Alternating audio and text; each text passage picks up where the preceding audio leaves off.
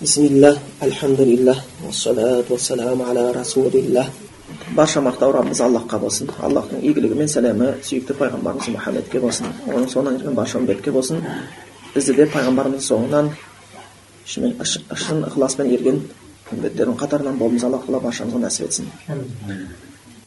аллахтың жәрдем етуіменен біз енді осы имам науаидің хадистерінің ішінде он сегізінші хадиске келген екенбіз бүгінгі хадис негізі байқасаңыздар көптеген ғалымдардың сабақтарында жиі өтеді. Бұл хадисті ғалымдар көп айтады. Бұл өзі қысқа хадис болғанымен мағынасы өте терең. Өйткені бұны алдында айтып кеткенбіз пайғамбар саллаллаху бір сөз айтқан кезде қысқа айтады бірақтан өте көп мағынаны ішіне қамтиды. Бұл хадисті мағынасын біліп терең түсініп жаттап оған амал істеген адамның екі дүниеде бақытты болмай қалғандығына сенуге болмайды. Ол міндетті екі бақытына жетеді сол үшін ғалымдар бұл хадисте не айтқан бұл хадис дейді дүние мен ақыреттің жақсылығын жинап алған хадис дейді қысқа бұл бірақтан дүниеде уже ақыреттің жақсылығын жинап алып қойған дейді сонда бұл хадис өте бір ә, терең ә, соған байланысты имам науаи де өзінің соншалықты көптеген хадистердің ішінде өзі мұхаддис ғалым ғой қырық хадисті жинаған кезінде соның ішінде осы хадисті кіргізуінің өзі бекер емес бұл хадистен екі сахаба бізге риуаят етіп отыр екен бұл сахабалар енді бұған дейінгі өткен сахабалардың ішінде аттары жоқ енді біз сабағымыз әдетте бір хадисті риуаят ететін болсақ жаңадан сахаба кездесіп қалсақ оның өмірбаянын айтуды әдет қылып қалдық иә сабағымызда бұл риуаят еткен сахабалар хадисте келеді екен абу зар менен жаңағы муаз ибн жабал деген екі сахаба болып келеді енді бірінші хадистің өзін бір оқып қояйық мәтінін сосын аударып одан кейін түсіндірмесіне кірісеміз عن أبي ذر جندب ابن جنادة وأبي عبد الرحمن معاذ بن جبل رضي الله عنهما дейді абу зар жүндуб ибн жунада атты сахаба менен абу абдурахман муаз ибн жабал атты екі сахабадан дейді алла ол екеуінен де разы болсын дейді ан расулиллахи саллаллаху алейхи уассалама қала олар аллахтың елшісіне мына бір хадисті бізге жеткізеді пайғамбарымыз былай деп айтқан екен иттақиллаха хайсума кунт қайда болсаң да алладан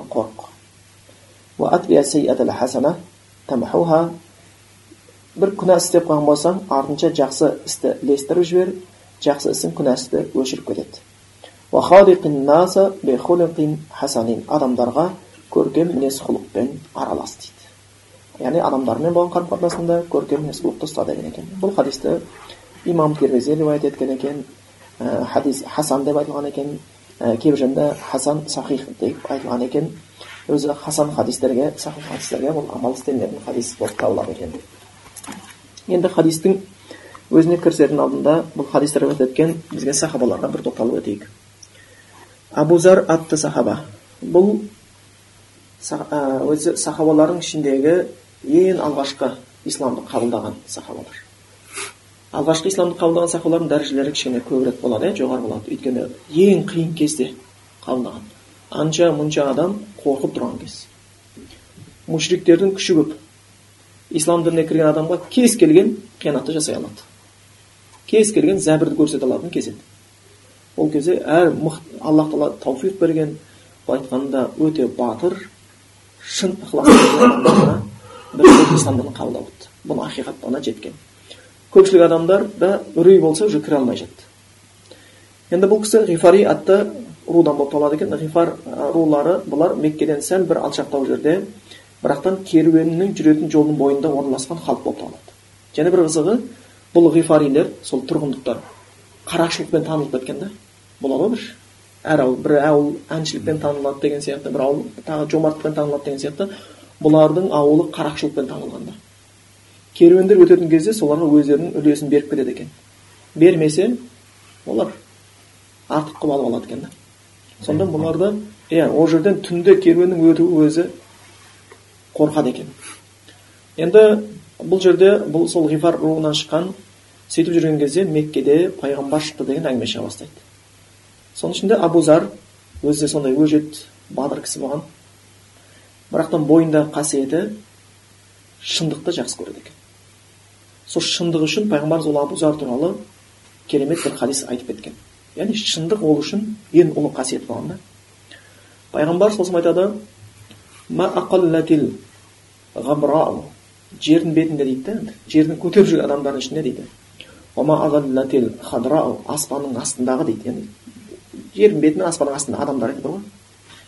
Ішінде дейді жердің көтеріп жүрген аспанның көмкеріп тұрған адамдардың ішіндегі дейді. Мен абидар абузардан да шыншыл адам жоқ деген да. Бойындағы үлкен қасиет. Мүмкін сол бір қасиеті шығар. Аллах тағала біреуше дінге хақ дінге алып келген енді аллах тағала хидаят нәсіп еткен болу керек сонда бұл абузар өзі енді арабтардың бәрі аллахтан өзге нәрсеге сиынып кеткен кез ғой. Ширк күнәсіне түскен кез иә енді кейбір абузардың өмірбаянында келтіреді. Бұл кісі сол арабтардың ширк күнәсін онша жақтыра қоймайды екен өзі. Біледі қараса бәрі сиынып жатыр бірақ дәлел жоқ. Көңілі ұнатпайды екен сол кезде. Содан бір әңгіме шығып қалады ой не дейсің мекке деген жерде бір кісі шығыпты пайғамбарымыз деп жатыр екен бір аллаға сыйын екен деген сияқты сол хабар ұшты ұшты құлағына жетеді. Сосын інісі бар шақырып алады оны еске айтады ей сен барып келші бір адам әңгіме естіп жатырмын біліп келші не болды? шу болып жатыр дейді. Сонда қараңыздар қанша ғана адам ислам дінін қабылдаған осы абу зарды ислам дініне кірген кезде ә, кейбір тарихшылар айтады бұл не бесінші адам не алтыншы адам дейді да. Кейбіреулер төртінші адам деп айтқандар бар. Енді бесінші алтыншы адам деген сонда қарасаңыз алғашқылар да түсіндіңіздер ғой. Сонда ана жақта бар жоғы төрт бес ақ адам ислам дінін қабылдап тұр. Бірақ уже шулады да. Түсіндіңіздер ғой. Өзі жалпы солай. Қарасаңыздар мұсылмандар салыстырмалы түрде енді алла тағала іргесін кеңейте берсін елге тыныштық берсін мұсылмандар көбейсін дейміз ғой. Қатты көп емеспіз. Бірақ телевизор газет журнал бәрі әңгіме мұсылмандар туралы. Өйткені шайтан қарап отырмайды да сондай шу шықты сонда анау абузар ойланады да інісіне барып келші көріп келші не деп жатыр екен енді олардың ар жағында пайғамбар деген нәрсені біледі ғой бірақ та пайғамбар шын пайғамбар өтірік пайғамбар осыда ғана талас болған да аллах тағаланың пайғамбар жіберіп тұратындығына олар олар білген өйткені бұлар ар жағында ибраһим пайғамбарды біледі мұса пайғамбарды біледі иса пайғамбарды біледі бәрін біледі ғой сөйтіп бұның інісі меккеге келеді жасырынып өйтіп бүйтіп біраз байқап жүреді сосын қайтады қайтқаннан кейін ағасы сұрайды не болды дейді бір кісіні көрдім дейді валлахи дейді аллахпен ант етемін дейді олар мушрик болса аллахпен ант ететін бірақ олардың мушрик деген құдайға сенбейді деген сөз емес құдайға сенеді бірақ аллахтың күнәлары аллахтан өзге нәрсеге сиынғандықтары болатын раджулан дейді аллах ант етемін бір кісіні көрдім дейді дейді да көркем мінез құлыққа шақырады екен дейді да осыны өте көңілдеріңізге қойыңыздаршы исламның алғашқы дағуаты пайғамбарымыз таухидке шақырып жатыр сонымен қатар не көркем мінез құлықпен және көркем мінез құлыққа шақырып жатыр да кез келген ілімде таухидта көркем мінез құлық сыйластық әдеп деген болмаса оның берекеті бола қоймайды алғашқы кез оның айтқаны бір адамды көрдім көркем мінез құлыққа шақырып жатыр дейді да дейді және бір сөздерді оқиды дейді өлеңге ұқсамайды депті да ол құран ол түсінген жоқ қой бір сөздерді оқиды арабтар енді өлең жағын өте қатты біледі бұлар енді ә, біз сияқты ауыз әдебиеті қатты дамыған екінің бірі не өлеңнің мәнісін білетін адамдар болған да сөз шеберлігіне қатты көңіл бұрған ол бір сөздерді айтады дейді өлеңге ұқсамайды дейді сосын абузар қарап қарап тұрады да адамдар не деп жатыр дейді ол туралы дейді адамдар не дейді дейді да ол адам туралы енді адамдар шулап жатыр біреулер айтады ол сиқыршы біреу ол кахин біреу бақсы деп жатыр біреу шаир ол ақын деп жатыр біреу мына жынды деп жатыр дейді. Сосын абузар ойланып тұрады. Інісі ана кісіге таңқалып жатыр бірақ ел жұрттың бәрі оны жамандап жатыр сосын абузар ойланып алады да ей мына сөзім маған что то қанағаттандырмай жатыр болма дейді. Өзім барып қайтамын ғой дейді да. Сөйтіп кішігірім жолға азығын алып кішігірім бір несіне тосығына суын құйып алады да меккеге шығып кетеді бірақ інісінен естігені айтады өте сақ бол дейді да өте қиын екен жақ остановка дейді. Оның соңынан жүргендер соны тыңдайын деген адамдарға барынша зәбір көрсетіліп жатыр дейді. Сонымен абузар енді сырттан келген бөтен адам келеді да қағбаның түбіне келеді сосын бірінші ешкімге білдіртпей ешкіммен не қылмай сөйтіп отырады ә, сөйтіп ана кеткен бір жерде адамдардың сөзін тыңдап байқасын ә, жүрісін байқап білдіртпей жүреді. Өйткені ол ә, білмеймін дейді да мен қазір біреумен сөйлесіп қалсам ол пайғамбарды қолдайтын адам ба қолдамайтын адам ба? Жағдай не болатынын білмейді сөйтіп отырған кезде али разиаллаху өтіп барады да көреді бөтен адам. Сөйтіп ей не болды? Қағбаның түбінде жатыр. Не болды сен мұрада неғып жүрсің? дейді. Жолаушылап жүрсің ба? Ә, кеш болып қалыпты қонатын жерің жоқ болса жүр біздің үйге қон деп али алып кетеді али негізі жомарт адам болған сөйтіп үйіне алып келеді. Көп сұрақ та қоймайды. Тамағын береді. Сусынын береді қондырады сосын ертесіне тұрып бұл кетеді. Али жақсы деп қояды. Бірақ көп әңгіме тартпайды онда тергеп те жатпайды неғып жүрсің қандай адамсың деп айтпайды. Жолаушы болды оған сауап керек. Тамағын суын берді де жіберді. Сөйтіп жүреді. Енді абузар әлі толық хабар ала алмай жатыр да пайғамбар саллаллаху туралы. Аналар қарап жатыр елдің жағдайын қарап жатыр елдің сөзін қарап жатыр содан али ертесіне болады алиға қаман тонаса кешегі адам әлі жатыр. Ей сен уже білесің ғой хабаратың жүр кеттік дейді да. Екінші күні қондырады. Екінші қондырып сөйтіп үшінші күнгі кезде уже али сұрайды. Неғып жүрсің сен дейді. Үшіншісіне сұрайды сен неғып жүрсің дейді. Енді сен маған сөз берсең неғып жүргенімді былай қатты жарияламаймын мен айтамын дейді да. Сосын жарайды дейді шетке алып айтады мен бір кісі туралы естідім дейді да. Бір ғана аллахқа сыйыныңдар аллахтан өзге нәрсеге сыйынған ата бабаларына сыйған нәрсенің бәрін тастаңдар деп бір кісі айтып жүр дейді. Соны бір жолығып соның бір сөзін тыңдайын деп едім дейді.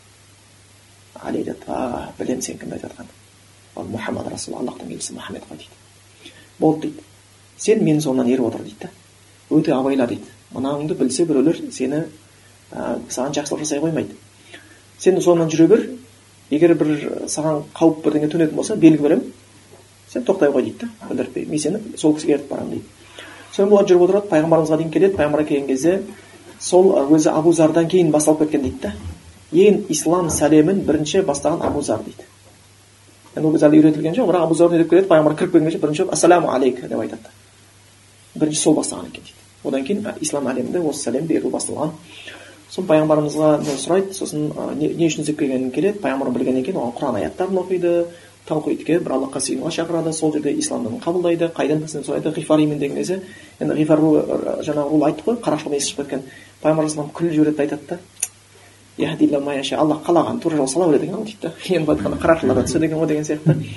Жақсы адамдарды келтіре алмай жатырмыз ана жақтан біреу келіпті деген сияқты. Ғой айдаладан іздеп. Сөйтіп күліп жүреді сөйтсе кімде айтады? Абузар иә аллах та қалаған дұрыс жол салады екен дейді. Сосын пайғамбар айтады бәрін түсінгеннен кейін таухидты құранды естіген айтады. Енді сен еліңе бар дейді. Сөйт та насихатта дейді. Адамдарды осыған шақыр дейді. Бірақ меккеде жүрген кезде білдіртпе дейді мұсылман болған.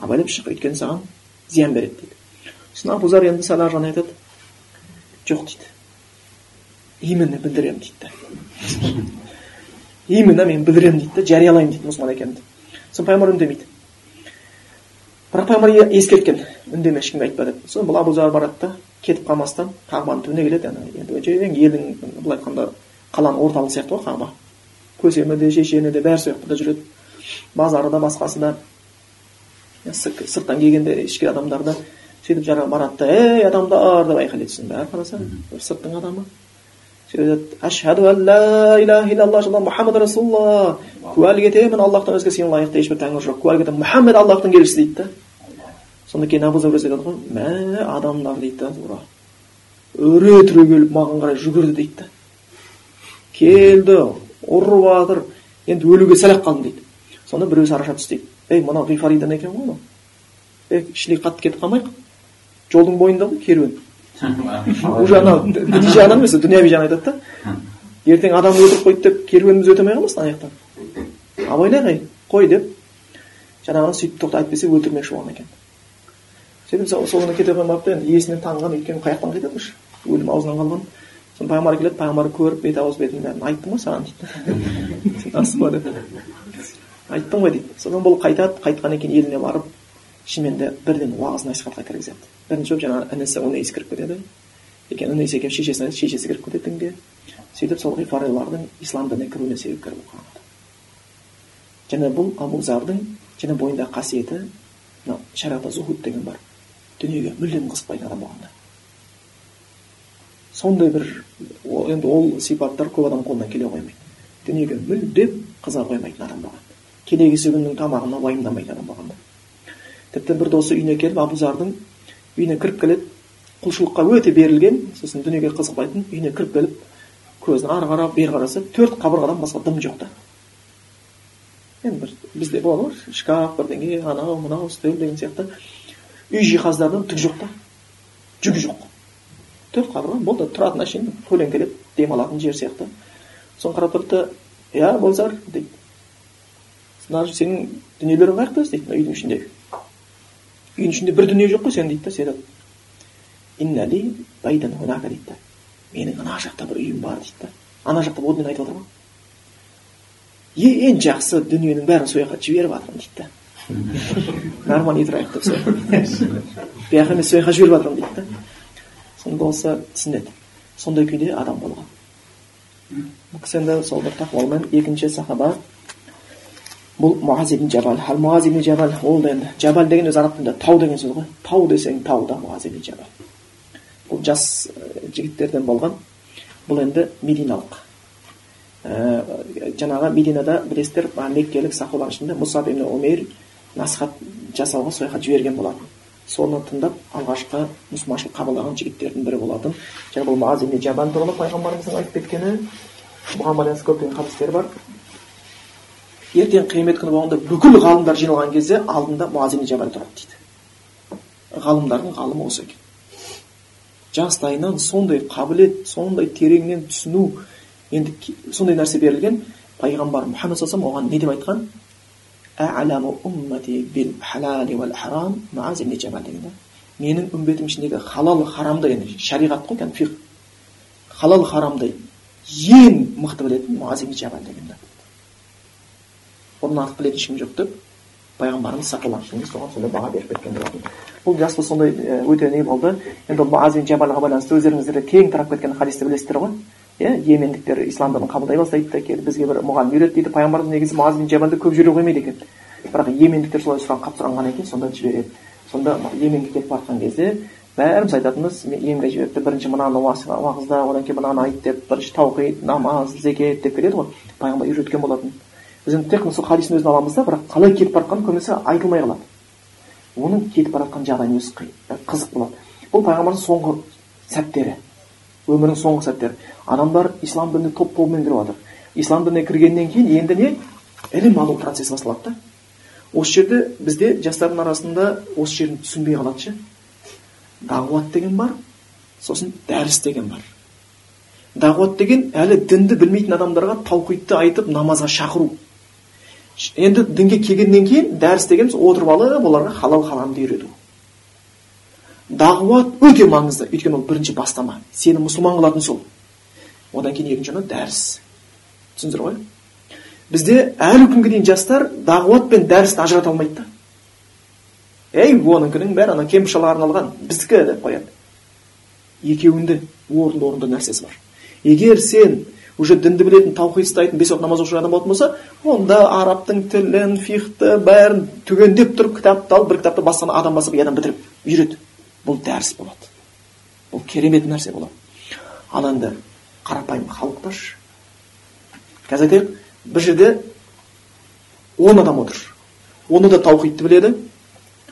Оны да бес уақыт намазда. Оны да ілім іздеп жүр. Сөйтіп келді да сол он адам бір ұстаздың алдына келді да бір сабақты өтейін деп жатыр. Ажрумия ма неге байланысты?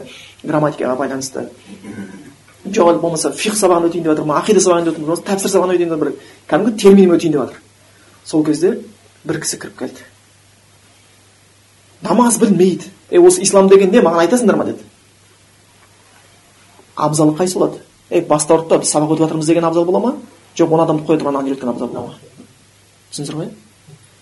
Ана бір адам үшін он адам тастауға болады өйткені ол маңызды енді біздің қазақстанда қараңыздаршы намаз оқитындар мен намаз оқымайтындар қаншамыз өзі яғни біздің маңызды жұмыстарымыз қандай көбірек та түсіндіңіздер ғой енді бірақтан мұсылманшылық қабылдаған көбісі жастар болғаннан кейін бұны түсіндіру қиын болып жатыр бір имам ренжіген сияқты бәленің бәрі оқығаннан шығатын болды дейді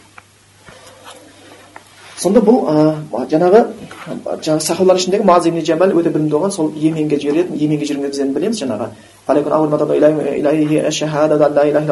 айтып ғой бірінші сенің шақыратының ол ла иляха калимасы болсын таухидке шақыр олар оны түсінген болатын болса намазға айт аллах тағала күніне бес уақыт намазды парыз еткен деген сияқты осы нәрсені үйрете бастаған иә тәртіп. Тәртіппен үйрене бастайды. Сонда пайғамбарымыз соны жіберіп жатқан кезде хадисте келеді. Маз ибн жабал көліктің үстінде өтті дейді мүмкін атта болды мүмкін түйеде болды енді білмеймін деп келеді хабарда ол аттың үстінде пайғамбар ілесіп келе жатыр дейді да жаяу ана маңыздылы ғой маз ибн жабал кетіп бара жатыр өзі жіберіп жатыр үйретуге пайғамбар ілесіп көп насихат айтып келе жатыр сұрақ қойып келе жатыр үйретіп келе жатыр өйткені жіберіп бара жатыр өйткені оған тәжірибе алу керек та қанша білсе де айтады ей муаз дейді да үркітіп алма. Сүйіншілеп отыр. Ауырлатпа жеңілдетіп отыр. Деп осыны сұрап келеді сосын анау фихта көп қолданатын мысалы қияс мәселесінде ей муаз мысалға саған біреу сұрақ қойса сен үкім етуің керек болатын болса дәлелді қай жақтан іздейсің деп сұрақ сұрайды. Өзінен сұрайды. Аллахтың кітабынан дейді. Дұрыс дейді. Аллахтың кітабынан таппай қалсаңшы дейді. Онда аллахтың елшісінің сөздерінен дейді. Дұрыс дейді. Ал одан таппай қалсаңыз десе дейді да. Онда іштихат қыламын дейді да. Сонда пайғамбарым айтады аллахқа мақтаулар болсын. Ол өзінің елшісінің жіберіп жатқан мұғаліміне сондай бір елшісі риза болатын тауфиқ нәсіп еткен үшін дейді да. Сондай күйінде болған сонда енді маз ибн жабалды шығарып кетіп бара жатыр да маз ибн жабал қимай кетіп бара жатыр өзінің үлкен ұстазы бірақтан өте маңызды жерге жіберіп жатыр да. Кетіп барады сонда пайғамбар тоқтап тұрып айтады. Я муаз дейді ей муаз дейді аса дейді. Мүмкін дейді да сен бұдан кейін мені көрмейтін шығарсың дейді муаз түсінбей қалады сен келесің дейді мединаға дейді да тамурру бил масжиди қабри дейді да мешітке келген кезде менің қабірімді көресің дейді сонда муаз жылап жіберді дейді қасында тұрған адамдардың бәрі жылап жіберген да тура сондай болады муаз барып таухид үйретке кетеді келсе шықпай ақ алейхи вассалам енді бұл сондай үлкен екі керемет сахабадан қарашы біреусі келген біреусі білімді біреуі тақуа біреуі зұхуд солар екеуі бірігіп отырып пайғамбардан бір сөз жеткізіп жатыр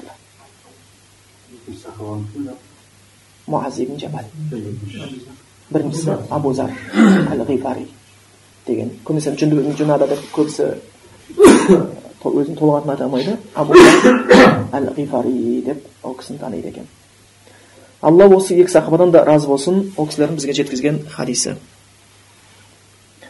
бұл хадис өзі негізі қарасаңыздар мен қазір мәтінін айтайын үш бөлімнен тұрады әр бөлімді өз алдына сабақ қылуға болар еді мысалы енді қатты уақыт созғымыз да келмейді сіздер кішкене бірдеңе елге үйретулеріңіз үшін туысқандарыңызға жақындарыңызға бірдеңе айта білулеріңіз үшін және біліңіздер алла құран сөз тұрғысында аллахқа шақырғаннан артық кім бар дейді субханалла біз құр үйренушілер емес біз шақырушылардан болуымыз керек бірдеңе үйренгеннен кейін барып айтуға тырысуымыз керек жана біреуге сонда сен ең жақсы адамдардан болған боласың құр іліммен жүргендіктен емес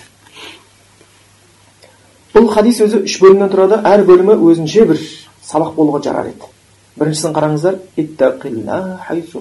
қайда болсаң да аллахтан қорқ тақуалық бұл бірінші сабақ негізі бір, бір бұл, бұл хадистің бірінші бөлімі осы бір хадистің бірінші бөлімі кіммен болған байланыс үйретеді аллахпен болған байланыс хадистің екінші бөлігі бір күнә істеп қойсаң артынша жақсы істі істеуге асық жақсы ісің күнәлі істі өшіріп кетеді бұл кіммен болған байланыс адамның өзімен болған байланыс үшінші адамдармен көркем мінез құлықта аралас дейді кіммен болған байланыс адамдармен болған байланыс қараңыз субханалла бұдан артық не байланыс қалды енді аллахпен болған байланыс өзіңмен болған байланыс адамдармен болған байланыс. Болды бүкіл нәрсені байланыстырып айтылып қойды. Кім істесе жәннатқа кіреді дүние ақыретін жақсыламашы деді осы күйінде. Және де шынымен қарасаңыз бірінші хақ алланың хақысы бүкіл нәрседен жоғары тұрады. Аллахтың алдында адам өзінің байланысын түзеу керек әрқашанда. Ақылды адам өзі құдаймен болған байланысын түзеуге дұрыстайды. Екінші өзіңді дұрыс ұстауың керексің да біреу дұрыс ұстаған иса алейхисалам сөзін келтіреді ғой. Нафсак дейді да бірінші өзіңді уағызда дейді. Өзіңе уағызың өткен болса нас адамдарды уағызда дейді. Уа илля олай істемесе құдайдан ұялсайшы дейді. Құдайдан ұялма дейді. Тура сол хадисте келген сияқты құдайдан қорқ өзіңді дұрыста одан кейін адамдармен көркем мінез аралас дейді. Субханалла аллахтан қорыққаннан кейін өзіңмен жұмыс дұрыс жұмыс істегеннен кейін өзіңмен жұмыс істегеннен кейін енді сен адамдармен көркем мінез құлқын араласқанда не қалды онда сен құдайдан қорқып тұрсаң минустарыңды түзелеп жүрген болатын болсаң онда сен адамдардың арасында уже дайынсың араласуға көркем мінез құлықта бұл хадистің өзінің тәртібінің өзі ретінде тұр сонда осы жерде үш негізгі ұлы байланысты айтады. Біз оған ә, аллахтан жәрдем сұрай отырып мүмкіндігімізше әрқайсысына бір кішігірім тоқталып өтейік. Біріншісі қайда болсаң да аллахтан қорқ тақуалықты біз енді қорқу деп аударып жүрміз бірақ бұның алдында сабақта айтқанбыз оның мағынасы одан кең тақуалық сөзінің сөздіктегі мағынасын бір еске алып көрейік тақуалықтың құранда келген аяттарын бір қарап көрейік және тақуалыққа байланысты тақуалар кім екендігін сипаттайтын аяттарды бір көріп көрейік сөздіктегі мағынасы бұл арабтың тілінде виқаядан шыққан қорғану сақтану мағынасы. Тақуалықтың сөзі. Қорғану сақтану. Біз қазақта мақал бар дегенбіз иә? Сақтанғанды құдай сақтайды деген. Бірақ ол тар ұғымда қолданылып жүр. Бұл дұрыс сөз негізі. Дұрыс мақал. Өйткені бұл мақалдың бірінші кім айтты? Омар өз баласы абдуллахқа айтқан. Ей ұлым деген кім аллахтың алдында тақуалық істеп жүрсе кім сақтанып жүрсе күнәға жоламай құдай соны қорғап жүреді деген яғни кім өзін күнәдан қорғап жүрсе құдай соны қорғайды деген да сонда сақтанған құдай сақтайды деген сөз бәлеге ілінгің келмесе күнәға жолама деген сияқты мағына ғой. Күнәға жолама деген. Бірінші сөздіктегі мағынасы қорғану сақтану. Виқая. Түбірінен шығады енді бұған сахабалардың беретін түсіндірмелері бұған болмаса шариғатта ғалымдардың беретін түсініктері не деп айтады? Тақуалық дегеніміз аллах тағаланың істе деген нәрсесін істеп тыйыл деген нәрсесінен тыйыла отырып тозаққа түсіп кетуден сақтану дейді. Яғни халалға парызға ұмтылып харамнан қашып тозақтан құтылу. Тақуалық деген осы дейді. Болмаса аби хурайра жеткізген сияқты не дейді? Біреу тақуалық деген не деп сұраған кезде сен мынау тікен тікеннің өсетін жер даланы көргенсің ба дейді да. Тікен зар. Сол жерде жүрсең дейді да. Жалаң аяқ кетіп бара болатын болсаң қалай жүрер едің дейді. Қарап тікенді басып кетпейін деп оңға солға абайлап кең аттап тараттап жүрер едің дейді да. Тікенді басып кетпеу үшін. Тақуалықтан өмірде солай өмір сүруді айтады дейді. Яғни бір сөз сөйлейін жатқан кезде күнә ма бұл сөздің тікені бар ма мына істің тікені бар ма мына бір көзқарастың тікені бар ма мына пікірдің тікені бар ма деген сияқты әрбір ісіңді сөйлеп жүруді тақуалық деп айтады сол күйінде түсіндірген нәрселері болып келеді екен сол үшін өзі тақуалық бұл ең керекті мәселе құран аяттарында тақуалыққа байланысты аяттар құранды оқыған адам осы аяттарды өте жиі естиді кейбірін еске алып қарайықшы енді араларыңызда құран оқып жүрген бауырларымыз көп қой құран оқып жүрсеңіздер мынандай аяттар жиі көресіздер да يا أيها الذين آمنوا اتقوا الله حق تقاته ولا تموتن إلا وأنتم مسلمون ей иман келтіргендер тақуалық қылыңдар құдайдан қорқыңдар қалай қорқыңдар қалай осылай емес хаққа туқатихи шын қорқуменен қорқыңдар уәлә тамутунна илля ва антум муслимун мұсылман болмайынша өліп кетуші болмаңдар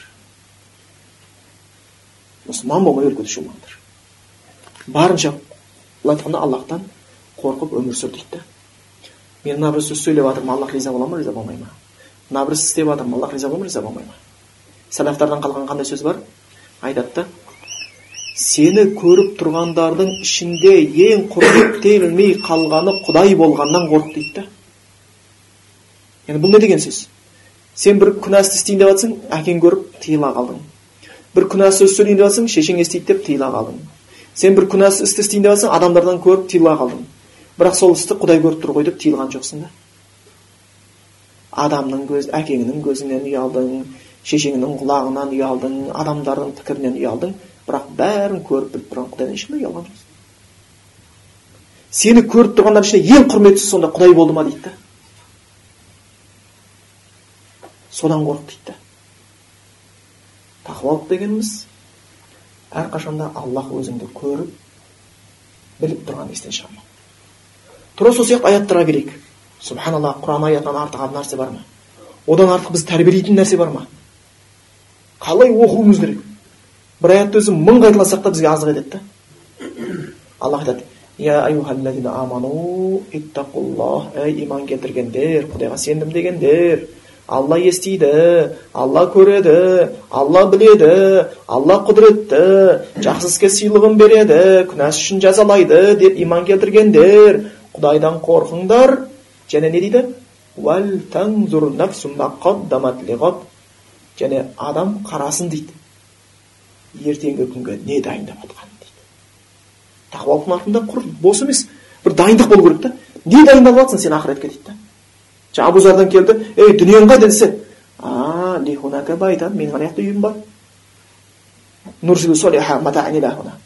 ең күшті дүниемді сол жаққа жіберіп жатырмыз дейді да дайындалып жатырмын деген сөз ғой оразамды ұстап ана жақ жәннаттағы үйіме диван істеп жатырмын намазымды оқып жәннаттан үй соғып жатырмын деген сияқты ғой сабырлық көрсетіп үйім ішін нұрландырып жатырмын дегендей садақамды беріп үйім алдынан өзен ағызып жатырмын деген сияқты мағынада. Енді дайындық істеп жатырмын. Әрбір адам қарасын ертеңгі күнге не дайындап жатыр қараңыз лиғот дейді да ертең дейді. Қиямет күні бізге көп сияқты бір. Ертең ол болды. Демдақ келіп қалады. Кейін алла айтады аллахтан қорқыңдар бір аятты екі рет айтады аллах сендер істеп жатқан істердің бәрінен хабардар. Осы сияқты аяттар өте көп келеді. Кейбір жерде келген аллахтың атымен тіркес келеді. Уаттақуллах аллахтан қорқыңдар уаттақуллах аллахтан қорқыңдар кей кезде тақуалық сөзі дозақпен қиямет күнімен тіркес келетін жері бар? Аллах айтады ғой адамдар кәпірлерге әзірленген дозақтан қорқыңдар. Одан қорқудан шақырады. Болмаса хадисте келген сияқты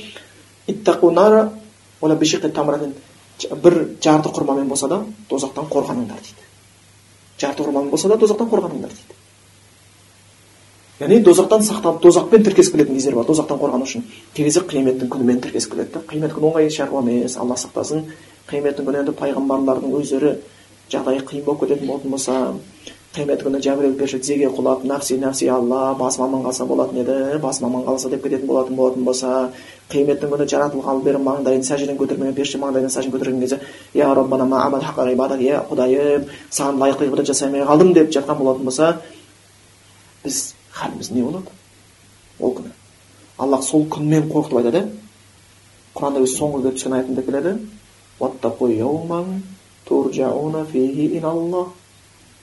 бір күн бар ол күні құдайға қайтасыңдар сол күннен қорқыңдар дейді сол күннен қорқыңдар сонда бұл тақуалық құранда өте көп келеді тіпті тақуалыққа байланысты алла бүкіл өзінің құлдарын пайғамбарлар арқылы алла тағала тақуалыққа өсиет еткен да біз өсиет еттік сендерден бұрынғы кітап иелерімен сендерді тақуалыққа құдайдан қорқуға дейді бұл аллахтың бізге өсиеті. Сұраса әкең не өсиет айтты десе әкем осындай өсиет айтып еді бала күнімде өйстіп еді шешем осындай өсиет айтушы еді деп әкеміздің өсиетін бір ұлық тұтамыз. Шешеміздің өсиетін бір ұлы тұтамыз. бір досым болушы еді жан досым маған осындай бір өсиет айтып еді бір ұстазым болып өсиет айтып еді. Субханалла аллахтың өсиеті ше? Аллахтың өсиеті тақуалық қыл құдайдан қорық деген екен құдайдан қорқыңдар аллах тағала маған өсиет айтып қойған. Оны құдайдан қорқу? Сол үшін бұл қатты айтылып отырады екен. Бұл өте бір маңызды. Осы арқылы адам өзін түзейді. Негізі біз дұшпанымыздың көптігінен қорықпауымыз керек. Тақуалымыздың жоқтығынан қорқуымыз керек та. Жер беті айналып келіп бәрі алты миллиард адам жаңғыз саған дұшпанға айналған болатын болса құдайдың алдында қадірің болса үмітің үзілмейді. Бірақ алты миллион адам ішінде бір ақ адам сенің дұшпаның болатын болса құдай алдында қадірің жоқ болатын болса панаң алып ештеңе болмайды саған сол үшін сәләфтар бұрынғы кезде бір хат жазғанда өсиетінде деп айтушы еді егер құдай сенімен бірге болатын болса кімнен қорқасың құдай сенімен бірге болмаса кімнен үміт етіп жүрсің дейді кімді пана болады деп жүрсің сен дейді сол үшін бұл тақуалықтың беретін нәрсесі көп. Ал тақуалар деген кімдер өзі алла құранда ол көп жер сипаттайды. Тақуа болуымыз өте керек өйткені тақуалықты кім екенін білу бізге өте қажетті өйткені алла құран айтқан құдайдан да құрметтілерің тақуаларың деген. Онда сіз тақуа болу керек құдайдан да құрметке болу үшін. Алла амалды жақсы сөзбен жақсы тек қана тақуалардан қабыл етеді дейді. Тақуа емес адам намаз оқысын қабыл емес тақуа емес адам қазір бір жақсы сөз сөйлесін қабыл емес. Тақуалардан қабыл етемін дейді. Тақуалардан ғана қабыл етемін дейді ол нәрсені болмаса алла тағала құранда айтқан сияқты кім тақуалық қылса кім құдайдан қорықса күнәдан сақтанса дозаққа түсіп кетпеу үшін ізгі амалдармен ізгі сөздерді сөйлесе ізгі амал істесе оларға қауіп тумайды олар уайымға түспейді дейді. Енді бұның беретін пайдасы өте ұлы да ал енді енді біз құрандағы тақуалардың кім екенін сипаттайтын бәр аятқа тоқталмай ақ қояйық бір екі сүредегі аяттарға тоқталайықшы біреуі жиі оқитын тақуаларды айтатын бақара сүресінің алғашқы аяттары мим бұл кітапта ешбір күдік жоқ ол жол көрсетеді кімдерге лил муттақин тақуаларға дейді да кейін ол тақуалар дейді сипаттайды кім екен олар ғайып ғайыпқа иман келтіргендер ғайыпқа иман келтірдім деген сөз жүрегінде аллахқа деген иман ақыретке деген иман өлетіндігіне деген иман қабірдегі сұраққа деген иман қыл көпір дозақ жәннат періште кітап пайғамбарға деген иманы айқын адам да біріншісі екінші намаз оқиды және бұл біз қазақша үшін намаз оқиды деп аударатырмыз ғой ол жоқ намаз оқиды келмеген аятта иқамату сала дегеніміз оны аударсақ намаз оқиды деген сөз а деген намазына өте ықтият деген сөз да намаз оқитын кезде құдайдың алдында тұратынын сезеді да ол дәрет алып жатқан кезде уже бойы сол кезде түршіге бастайды да субханалла қазір мына қазір біреу бір бастықтың приемына кіретін болатын болса қайда қайда приемныйда шашын тарап костюмін не алып түймесін түзелеп жатады ғой дұрыс па ал аллахтың алдында сол үшін намазға бірден кірісіп кетпейміз. Біз намазынан да дәрет аламыз да. Бұл деген сөз аллахтың алдында тұруға дайындалып жатырмын деген сөз. Сол кезден уже сезе бастайды. Екінші намаз ықыласымен дәретімен уақытысымен дұрыс оқитындар дейді. Тақуаның екінші сипаты. Және құдайдың берген рызық нәсібесінен садақа берушілер зекетін берушілер. Осы үш қасиет бойыңа келген кезде тақуа келе бастайды. Жүректегі иман денедегі амал малдағы садақа. Жүректе иман болмаса пайдасы не? Денеде намаз болмаса пайдасы не? Садақаң болмаса намазың болмаса тақуамын деп айту бекер сөз жай бір сөз болып қалады да сол үшін бұл. Болмаса жаңа бір аятта сипаттайды тақуаларды. Не деп келеді асығыңдар дейді жүгіріңдер дейді да аллах тағала. Субханалла бұл аллахтың сөзі қазір біреуге келіп көке намаз оқымайсыз ба енді көреміз дейді да аллах айтқан асық деген да көреміз деген болмайды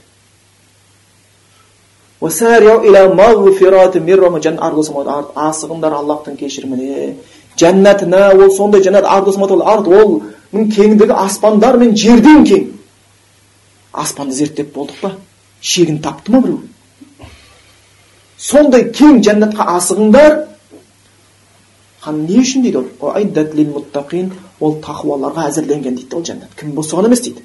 Тақуаларға дейді. Кейін сипаттайды.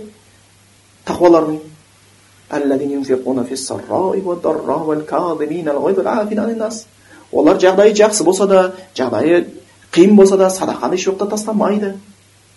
Олар ашуланса ашуын жеңе алады. Олар адамдарға кешірімді кекшіл емес.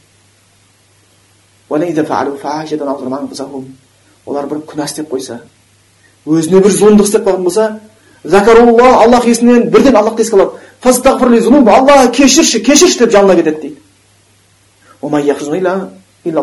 Аллахтан басқа кім кешіруші еді? Күнәні. Ол күнәні жалғастыра бермейді құдайды еске алғаннан кейін. Тоқтай қалады. Біледі олар ол нәрсені міне тақуалар осылай сипаттайды да міне тақуа адамдар қайда болса иманы несі керек болған екен ал тақуалықтың беретін сыйы өте көп кім қорыққан болса ақшан шығатын жол тауып береді кеңейтіп отырады кім құдайдан қорыққан болса істерін жеңілдетеді деген сияқты бұл сияқты тақуаларға сүйіншілейтін аяттар тақуаларды сипаттайтын аяттар тақуалықтың қандай нәрсе екенін түсінбейтін аяттар бізде өте көп. Оның өзін бір айтатын болсақ ол бірнеше сабақ болатын еді. Біз енді мына хадистің екінші бөліміне өтейік. Бірінші тақуалық сенде тақуалық дамығаннан кейін күнәні тастау оңай болады да. Кей кезде біз естиміз иә менің әйелім бар еді намазды бастады ғой бірақ орамалын тақпай жатыр. Мен бүйтсем екеуміз ұрысып қаламыз өйтіп жатырмыз бүйтіп жатырмыз деп. Орамалдың тақпауының құдайды білгеннен кейін бір себептері бар бір себебі ол құдайды әлі толық таныған жоқ та өзі иман дегеніміз бауырлар аллах тағаланы айтқанда аллахқа деген махаббатың оның елшісіне деген махаббатың бүкіл махаббаттан жоғары болады да сол кезде ол толық иман аллах тағаланың аяты саған орамал тақ деді қоғам болса сені түсінбеймін деді сен айтасың е қоғамның пікірі мені қызықтырмайды өйткені раббым аллах маған тақ деп жатыр міне сен құдайды таныдың таныдың өйткені сен әлі қоғамдық пікірден қорқып құдайдың айтқанын істей алмай жүрген болатын болсаң әлі толық нәрсеге жеткен жоқсың керемет тақуалыққа жеткен жоқсың бірақ солай болғанның өзінде де олардың басына орамал тағылу үшін әйелдің басына орамал тағылу үшін бірінші жүрегіне тақуалықтың орамалы тағылу керек та басына шүберектің орамалынан бұрын жүрекке тақуалықтың орамалы тағылу керек ал ол тақуалықты күшейтсек сонда ғана адам баласы күнәні тастай алады жалаңбас жүру деген сияқты басқа бір күнәларды оған дейін тастау қиын қарасақ сатылып қояды құдайдан қорыққаннан кейін екіншісі не бір күнә істеп қойған болатын болсаң тақуа адам енді ол күнәға бой бере қоймайды бірақ құдайды көріп тұрып естіп тұрғаннан кейін бір күнәға барып қалған болатын болсаң пендеміз ғой ашуланамыз. Нәпсі болып қалады. Досымыз әсер етеді. Түрлі біз. Пендеміз ғой түрлі жағдайлар болады. Кей кезде жеңіл сөзге беріліп қаламыз. Байқамай біреу ғайбат қалған кезде өзіміз қалай қосылып кеткенімізді байқамай қаламыз. Осындай бір кезде байқамай кірісіп кеткен болатын болсаң дейді артынша бір жақсы іс істей жібер дейді. Не болады дейді анау күнәң өшіп кетеді дейді. Өзі тақуа адам күнә істегеннен кейін оны ары қарай жалғастырып кете алмайды құдай есіне түссе. Екіншіден көп кешікпейді тез асығады да. Мысалы айтайық отырдың да бір адамды ренжітіп қойдың сен ренжітіп қойдың да артынша қарап жатпайсың. Көп кешікпей бірден барасың да кешірім сұрайсың да кешірші пендемін ғой енді.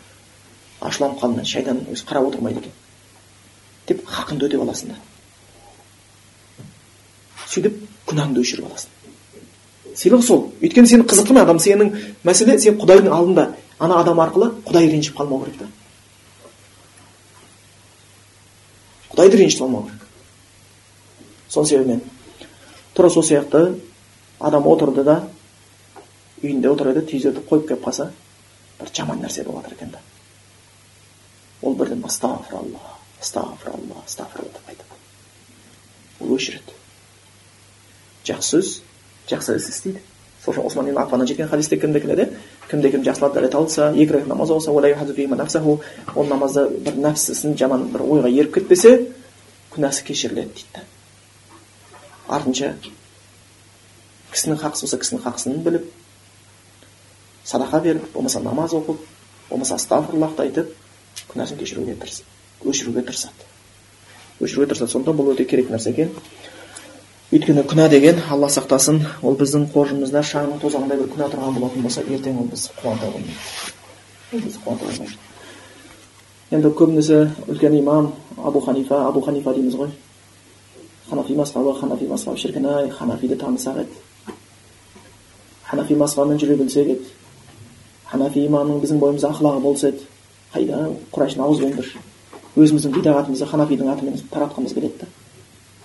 Өзіміз дінде жоқ нәрсемізді бедел қылып бір мақал айтсаң абай айтты абай айтты деген сияқты. Ханафи ханафи деп өзіміздің әр нәрсемізді істей береміз. Ал енді абу ханифа сүннетті сүйген адам құранмен жүрген адам сол кісінің бір тақуалық белгілері айттық қой күнәнің кішкентайынан адам қорқады. Құдай тағаладан кейін бір күні мешітте намаз болды дейді. Иша намаз дейді бір кісі абу ханифаны іздеп келдім дейді шәкірттердің бірі бір сұрағым бар еді жауабын алғым келді дейді ол кісі фахих адам ғой имам намазға шықты дейді намазға шықты дейді бірақ та намазда оқыған сүрелердің бірінде деген аятты оқыды дейді оның соңғы аяттары кім мысқалдай зәредей екеуі де қазақта бар иә яғни зәрратун деген арабтың тілінде ең майда нәрсе айтады құмырсқаның бір шымалды зарра дейді кез келген заттың кішкене бөлшегі зарра кім зәредей жақсылық істесе құдай ертең көзіне көрсетеді жоқ болып кетпейді кім зәредей жаман істеген болатын болса құдай ертең көзіне көрсетеді дейді осы аятты имам оқиды енді ол кездегі әдеттер елдер үйі жақын сүннетті оқуға қалатыны қалады болмаса үйіне кеткен кетеді мен абу ханифаға жолығайын барып қарасам ол кісі отырып түр әлпеті бұзылып кеткен екен дейді күттім күттім бет әлпетіне қарап құран қатты әсер еткен ба? А бүгін мына имамның маған көңіл бұратын уақыты жоқ. Мені ойлайтындай шамасы жоқ сияқты. Енді бүгін сәт түспеді ертең қоярмын сұрағым деп кетіп қалдым дейді. Кеткен сөйтіп ертесіне ертерек мешітке келсе бір адам отыр дейді. Таңның қараңғысында. Түсінбейді. Қараса дауыс шығып жатыр дейді. Жалынып жатыр жылап жатыр бір сөзді қайталай береді қайталай береді дейді қараса кешегі имам абу ханифа сол отырған орнында қалып кетіпті да субханалла екі аят төсегін ұмыттырған екі аят кешкі тамағын ұмыттырған екі аят бала шағасы әйелін ұмыттырған екі аят маңындағы ұмыттырған сонда айтқан е алла е алла мысқалдай зәредей жақсылықты көзіңе көрсетемін мен мұқтажбын қиямет күні сол жақсылығыңа мысқалдай зәредей нәрсенің үшін сен көрсетемін депсің мен жауап бере алмаймын ол мысқалдай шаң тозаңдай нәрсе құдай алдыңа барғанда. Шаңның тозаңдай болса жақсылығымды қабыл етші менің. Шаң тозаң күнәм болса кешірші мені пендеңді деп жалынып жылап жатыр екен дейді. Сөйтіп мен жайлап шам жаққаннан кейін байқап қалды да ыңғайсызданды да айтты дейді. Бұл халімді ешкімге айтпашы деп айтты яғни мұсылман адам біледі да күнә оңай нәрсе емес. Қолдан келсе құдайдың алдына күнәмен бармауға тырысқан жақсы. Істеп біз пендеміз істеп қоюымыз мүмкін. Толық күнәдан құтылып кетемін деп ешкім уәде бере алмайды. Бірақ бізге аллах тағала берді ғой мүмкіндік. Жақсылық істей жібер өшір дейді да. Намазымыз бар ықтият болайық. Оразаларымыз бар ықтият болайық. Ораза күні келе жатыр алла аман есен жеткізсінші оразаға аман есен барыңыз. Сонымен өшіріп алайық күнәларымызды.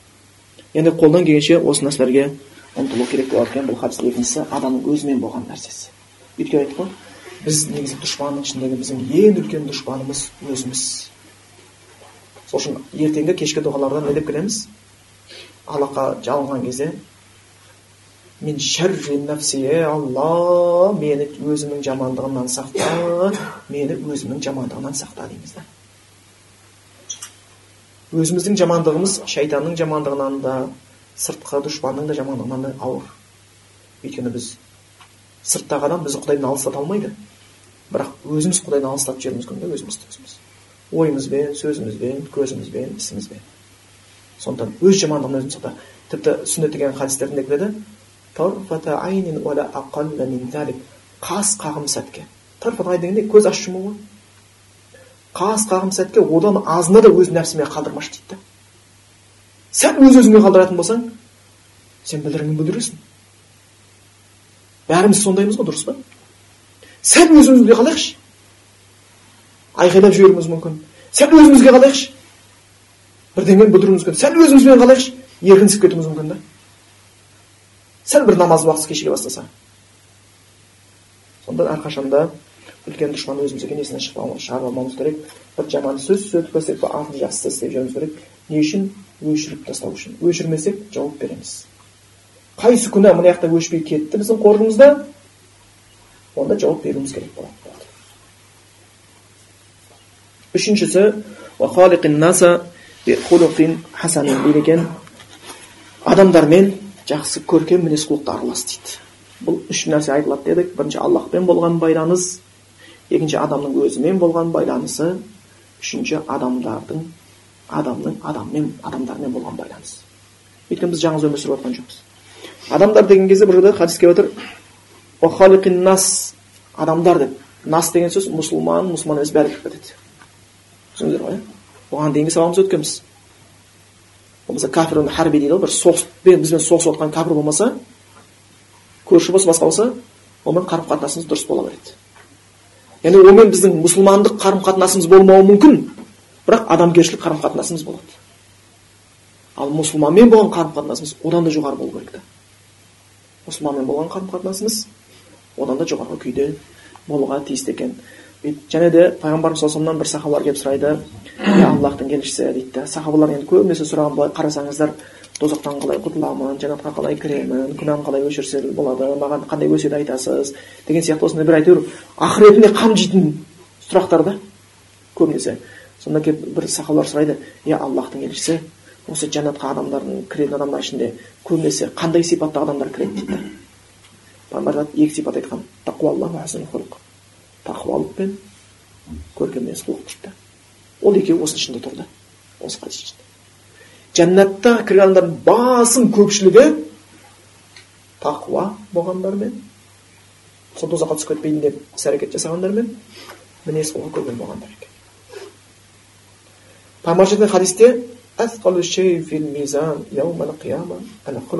дейді қияметте таразыға амал салған кезде ауыр заттың біреусі көркем мінез құлық дейді пайғамбар айтады қияметтің күні маған маған ең жақын болғандарың дейді жәннатта үйі ең жақын болатындары мінез құлқы көрген болғандар дейді иншалла жәннатқа кіруді армандаймыз бірақ енді біздің үйіміз пайғамбардың үйімен іргелес болып жатса енді нұр үстіне нұр ғой ең болмаса бір тек бір жүз адамның бірі ретінде пайғамбардың үйімен көрші болып жатсақ жаман ба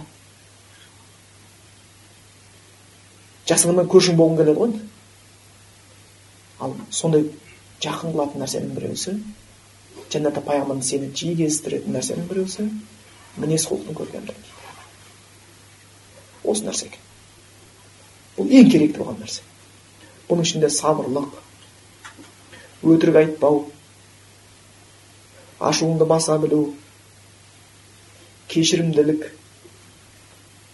мейірімділік бәрі осының ішіне кіреді да сол үшін пайғамбарымыз алла мақтаған кезде деп айтты.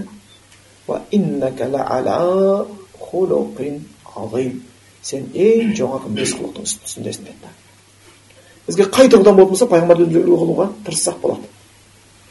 Бізге өте керек. Өйткені біздер сабырсыз адамдармыз. Өйткені біздің қазір қоғамда сондай уақыт ешнәрсеге уақыт жетпейді. Жұмыс көп сияқты болмайтын нәрсеге ашуланамыз бәріміз. Сол кезде пайғамбарды еске алып қойған жақсы хадистерін еске алып қойған жақсы мейірімдікті еске алып қойған жақсы анда санда жүрегін жұмсау үшін мұқтаж адамдармен хабарласып отырған жақсы ауырған адамдар мүгедек адамдар жетім адамдар жесір адамдар осылармен болған жақсы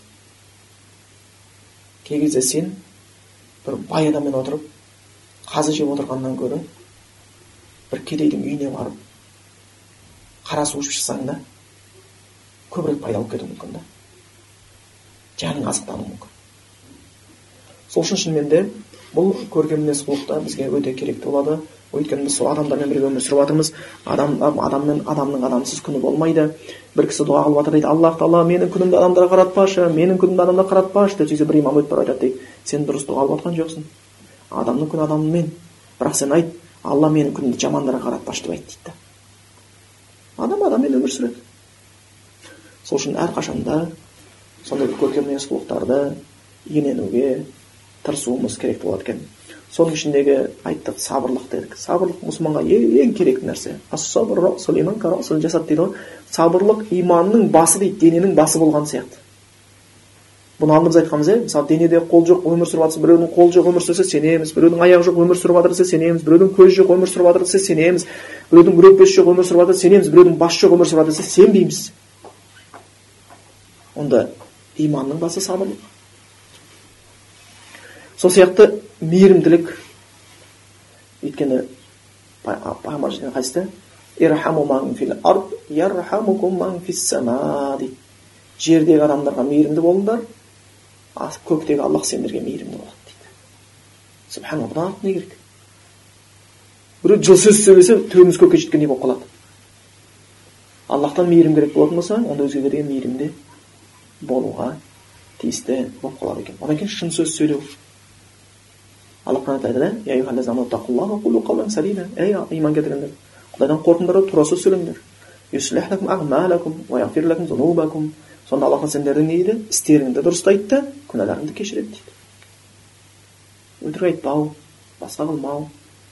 Мұсылманның дүниесіне қиянат жасамау. Мұсылманның үйіне баратын болсаң сен өз үйіңде отырғандай сезіну. Әрбір ісіне несіне бүлдіріп сындырып кетпеуге тырысу әрқашанда. Сонда осындай бір нәрселермен көркемдестікпен адам баласы қарулануға тырысқаны жақсы екен. Сонда осы хадисте енді үш нәрсе айтып жатыр ғой. Уақытымызда кішкене не қалған екен жақындап қалған екен. Бірінші аллахпен болған байланыс ол тақуалықпен дұрысталады екен. Екінші өзімізбен өзімізбен болған қарым қатынасымыз өзімізге шын жақсылық істегеніміз күнәдан тыйғанымыз болып қалады екен. Үшінші адамдармен болған қарым қатынасымыз адамдарға болған қарым қатынасымызда біздің басты мақсатқа ұстайтын нәрсеміз ол көркем мінез құлқымыз әдебіміз болып табылады екен. Сол үшін ғалымдар айтқан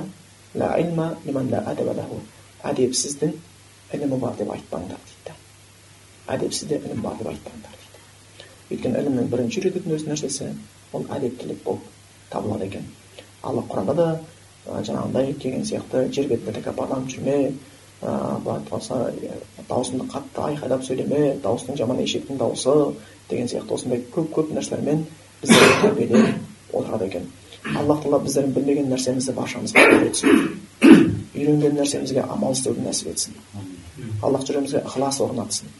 Мына бір уақытша фәни дүниеде бізді фитнадан сақтасын. Дүниенің фитнасынан әйелдің фитнасынан басқаның фитнасынан барлық фитнадан сақтасын шайтанның азғыруынан сақтасын аллах тағала біздерді. Ертең кеудемізден жанымыз шығатын кезде аллах тағала бізге сол періштенің бір жақсы сөз естуді нәсіп етсін жаналатын періштелерден қабірдегі сұраққа оңай жауап беруімізді құлқөбірден сүрінбей өтуімізді аман есен жәннатқа кіруімізді нәсіп еткен болсын. Аллах тағала осы құранға деген сондай бір құмартуды сүннетке деген сондай бір сүйіспеншілікті біздерге де және бізге жақын болған әрбір адамдарға нәсіп етсін. Әкелерімізге шешелерімізге әйел бала шағамызға бәрін нәсіп етсін. Аллах тағала бұл дүниеде бір жасқа жеткізген сияқты жәннатта жасқа жеткізіп біздің тақуалығымызды арттырып біздің күнәмізді азайтып біздің мінез құлқымызды көркемдеп ертең өзіміздің сүйген пайғамбар محمد مصطفى صلى الله عليه وسلم جنة كوش بولتا نسبة سبحانك الله بحمدك أشهد أن لا إله إلا أنت أستغفرك وأتوب إليك